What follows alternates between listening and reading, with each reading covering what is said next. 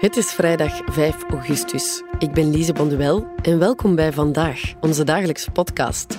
Net als vorige week brachten we ook deze week een iets wat andere vandaag met het beste van het afgelopen jaar uit ons weekblad.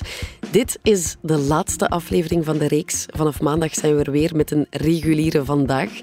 Maar voor deze laatste aflevering kijken we nog even in ons bord. Stilaan beseffen we namelijk dat we minder vlees moeten eten of helemaal geen vlees meer. Maar wat blijkt? Vooral mannen zijn moeilijk te bewegen tot een vegetarisch leven. Hoe komt dat? Eten echte mannen vlees? Een reportage van Peter van Tighem, gebracht door collega Alexander Lippenveld.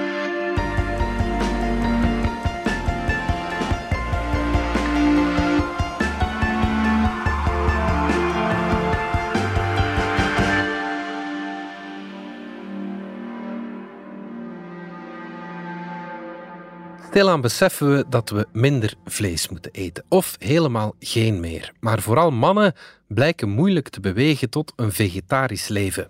Hoe komt dat? Eten echte mannen vlees? In België eten mannen 132 gram vlees per dag, vrouwen 88 gram, volgens de laatste voedselconsumptiepeiling uit 2014. In Nederland is dat respectievelijk 115 en 81 gram. Sowieso eten mannen wat meer dan vrouwen, maar dat verklaart het verschil niet. En volgens de Wereldgezondheidsorganisatie is het altijd te veel. De liefde van mannen voor vlees is voor sommigen evolutionair bepaald. Lang geleden stonden ze in voor de jacht, terwijl vrouwen veel eer verzamelden. En die patronen zitten nog in onze genen. Op die traditionele visie komt veel kritiek. De realiteit was wellicht niet zo binair en vlees komt nog maar sinds 50 jaar bij zoveel dagelijks op tafel. Trouwens merken sociologen op waarom blijven we die oerman zo graag framen als een slachter? Kunnen we hem niet zien als iemand die ermee zorg voor droeg dat de gemeenschap kon overleven? Toch heeft die evolutionaire mindset veel associaties in de hand gewerkt die tot vandaag doorwerken. Dierlijke eiwitten worden in verband gebracht met testosteron. En wanneer mannen zich bedreigd voelen in hun mannelijkheid, gaan ze meer rood vlees eten, ontdekte een onderzoeksteam in Hawaii. Dat vlees het testosteron een boost geeft, is nogthans weerlegd in een bekende studie van het British Journal of Cancer. Veganisten zouden zelfs een hoger testosterongehalte hebben dan vleeseters. Een andere bewering dat de fytoestrogenen in soja mannen met een hoger oestrogeenhalte zouden opzadelen, wordt al evenzeer tegengesproken. Zuivel daarentegen zou dat niveau wel opkrikken. Het probleem is dat mensen heel emotioneel reageren en daardoor de nieuwe feiten negeren. Dat zegt Amber Peters van de U Antwerpen, die de relatie tussen mannen en vlees onderzoekt. Kijk naar de reacties op het nieuws dat de helft van de tijdelijke eettenten op de Gentse feesten vegetarisch moet zijn. Dat gaan ze ons nu toch niet afpakken. Vlees eten is cultureel en sociaal gezien erg belangrijk. Maar precies vanwege die gevoeligheid gaan we het onderwerp liever uit de weg. Dat zegt Peters. Of we riposteren. Een Canadees onderzoek wees uit dat soyboys in 2015 even hard gestigmatiseerd werden als drugsverslaafde. Iedere man die veganistisch wordt, daagt de basisaanname over mannelijkheid en vrouwelijkheid uit. Dat schreef Carol Adams in haar boek The Pornography of Meat. De tijden veranderen natuurlijk en daarin spelen topsporters een rol. Zij hebben als rolmodellen een grote impact. Vijftig jaar geleden was onze kennis nog beperkt. Dat weet inspanningsfysioloog Peter Hespel, wetenschappelijk directeur van de Bacala Academy. Sterren als Eddy Merckx en Roger de Vlaming aten voor een eendagskoers twee dikke biefstukken in de volle overtuiging dat vlees het verschil zou maken. Chef Liévin Montbalieu wist van elke rode duivel hoe zijn vlees gebakken moest zijn. Intussen stellen diëtisten de wet en niet langer de koks. Vanaf de jaren 70 drong het door dat het enige zinvolle dieet om het een hele wedstrijd uit te houden erin bestaat om koolhydraten te eten, dat zegt Hespel.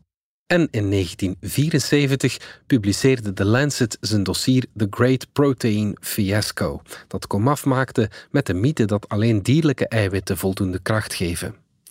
Heeft dat de weg naar een vleesarme wereld geplaveid? Sportmannen eten zeker minder vlees, dat weet Hespel.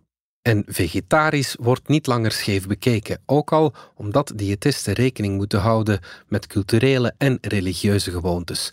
Maar een gevarieerd dieet vergt meer denkwerk. Voor uithoudingssporten kun je perfect verder door plantaardige eiwitten te combineren. Voor krachtsporten blijft het moeilijk, omdat plantaardige eiwitten niet zo goed werken. Het zal altijd gemakkelijker zijn als je ook dierlijke eiwitten eet. En rood vlees omdat dat het ijzergehalte verhoogt, dat nodig is om zuurstof in het bloed te transporteren. Volgens Hespel zal de atleet die wil winnen uiteindelijk een compromis moeten maken en voor gevarieerde voeding kiezen. Ook sportdiëtiste Stefanie Scherlink stelt vast dat topsporters steeds vaker flexitarisch eten. Zij weten dat ze de nodige eiwitten uit allerhande voedingsmiddelen kunnen halen, dus niet alleen uit vlees. Op dagen met krachttraining of zeer intensieve training nemen ze dierlijke eiwitbronnen en die wisselen ze af met plantaardige voeding op rustige dagen. Rood vlees wordt naar mijn gevoel ook meer en meer vervangen door gevogelte en vis. Topsporters inspireren en maken zo de veganistische pleidooien van coole veganisten, hegans genoemd, als Brad Pitt en tot voor kort ook Zac Efron verteerbaar. Wanneer de vegan bodybuilder Patrick Baboumian op de vraag hoe iemand zo sterk als een os kan worden zonder vlees te eten, antwoordt dat hij nog nooit een os vlees zag eten, kan er een glimlach af. En dat Lewis Hamilton veganistisch eet, beukt niet alleen het witte machismo van de Formule 1-wereld open, maar is daarmee de massa bekeerd. Volgens een onderzoek van iVox in januari 2022 zou 30% van de Belgen minstens wekelijks vegetarisch eten. Er zijn steeds meer flexitariërs en 8% van de vleeseters wil overschakelen op vegetarisch of veganistisch. Ter vergelijking, volgens de Lancet hebben Britten hun vleesconsumptie het afgelopen decennium met bijna 20% afgebouwd. Het gaat niet snel, maar het gaat wel vooruit.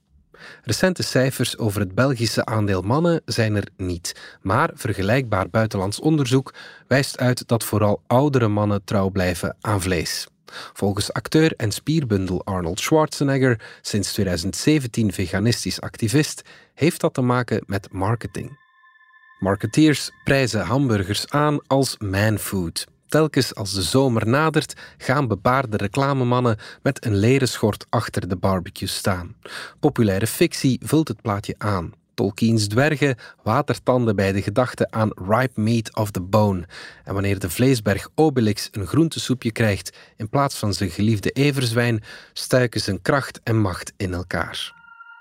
Volgens Daniel Rosenfeld van de University of California kiezen mannetjesputters allereerst voor rund en kip, terwijl gematigde mannen ook vis en varken eten. Rosenfeld, die 1700 mannen ondervroeg, besloot dat voor mannen vlees identiteitspolitiek is. Daarmee refereert hij aan eerder onderzoek van de psycholoog Paul Rosen, dat uitwees dat iemand als mannelijk gezien wordt door vlees te eten en als vrouwelijk door dat niet te doen. Amber Peters vergelijkt in haar onderzoek de impact van seksen en gender.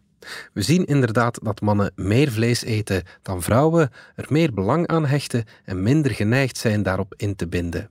Dat zien we ook op Twitter, waar mannen positiever spreken over vlees en sneller afgeven op vegetariërs. Bij vrouwen is dat omgekeerd.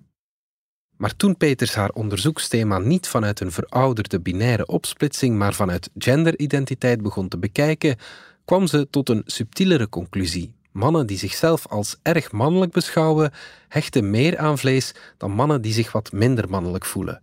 Maar vrouwen die zich erg vrouwelijk voelen of zo gezien willen worden, zijn net zo goed verknocht aan vlees. Logisch toch? Een onderzoek van het Vlaams Centrum voor Agro- en Visserijmarketing, de VLAM, wees in 2019 uit dat 97% van de Vlaamse bevolking vlees eet. Het is vooral een eigen tijdse correctie van het cliché dat echte mannen vlees eten, vindt Peters. Naarmate mannen en vrouwen nieuwe normen hanteren over mannelijkheid, eten ze minder vlees en zijn ze meer bereid om hun vleesverbruik af te bouwen. Vrouwen die zichzelf erg mannelijk voelen, zijn volgens die logica minder aan vlees gehecht. Het lijkt erop dat we vandaag een kantelpunt meemaken. Boerenzoon Luc de Laat is bekend als slager van drie butchers stores in Antwerpen. Thuis kregen we elke ochtend spek, vertelt hij. Op zondag een rosbief, een braadkip of varkensgebraad. Toen ik begin jaren 90 mijn slagerij opende, verkocht ik filet puur alleen in het weekend. Dat was feest. Nu is het elke dag feest. Er is zo'n overaanbod aan vlees dat we het gewone aanbod niet meer willen. De varkenspoten gaan voorlopig nog naar China, tot ze die niet meer willen en we ze zelf zullen moeten opeten. Opeenvolgende crisissen, hormonen, varkenspest, mond- en klauwzeer, deden de laat beseffen hoezeer ik meegezogen was in een flow waarmee ik niets meer te maken wilde hebben. Hij herdacht alles. Nu gelooft hij dat we minder, maar beter vlees moeten eten en dat meer respect voor het dier ook een beter eindproduct zal opleveren. Hij is het ermee eens dat vlees te goedkoop is. Het is niet logisch dat een sector gesubsidieerd moet worden om te overleven. Hij begrijpt zelfs volledig waarom mensen minder of geen vlees meer eten. Wat vandaag allemaal vlees genoemd wordt. Wij werken met een eigen boerderij, zegt hij, zoeken naar een ideale slachting en verwerken het hele dier. Een traag gegaarde ossenstaart geeft hamburgers een heerlijke smaak. Ik wil eerlijk vlees. Als ik een entrecote van Simmentaler serveer, proef ik melk en boter. Bloed is de essentie van smaak. Maven, het Antwerpse restaurant dat hij twee jaar geleden opende met chef Jules Konings en ondernemer Wim van der Borgt, ziet hij als een experiment om goed vlees anders aan de man en de vrouw te brengen. Eigenlijk verkoopt hij zijn vlees zoals een sommelier wijn, in nauwe relatie met terroir. Chef Jules Konings zegt: Je serveert een vrouw geen quota los, maar één entrecote om te delen met drie. Die aanpak slaat aan. Het is hier geen ventefeest met gegrilde ribbekes en bierpullen, maar een verleiding. Mensen komen om vlees te beleven. In het gepolariseerde vleesdebat ontbreekt het niet aan schimpscheuten van vleeseters aan andersdenkenden.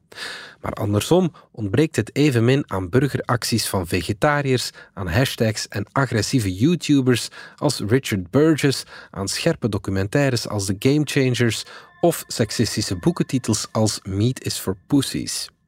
Daarom proberen sommigen een beetje intersectioneler te denken om beide partijen te verzoenen. De Franse president Emmanuel Macron riep in de zomer van 2021 op om meer goed Frans vlees te eten. Dat ging over het probleem dat 60% van het vlees op Franse borden geïmporteerd was. Maar hij probeerde ook een compromis te formuleren tussen de Franse fokkers, die waardering verdienden voor hun aansnijden op Franse wijze, wat een kunst is, en de flexitariërs, die in de kantine ook een aangepast menu moeten krijgen.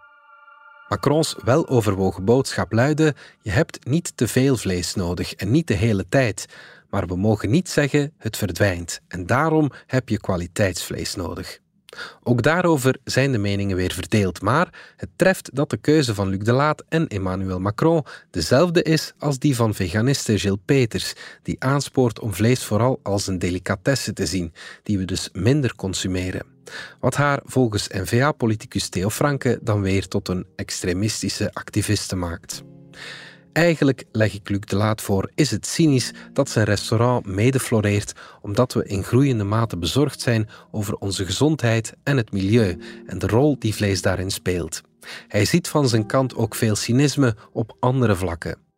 Zit er niet te veel dierlijk gelatine in snoepgoed en in brood, is het geen aanfluiting dat een veggie-merk zichzelf slager noemt en producten in de markt zet die naar worst en gehaktballen verwijzen. Stel je voor dat ik onze bouletten pistolets zou noemen.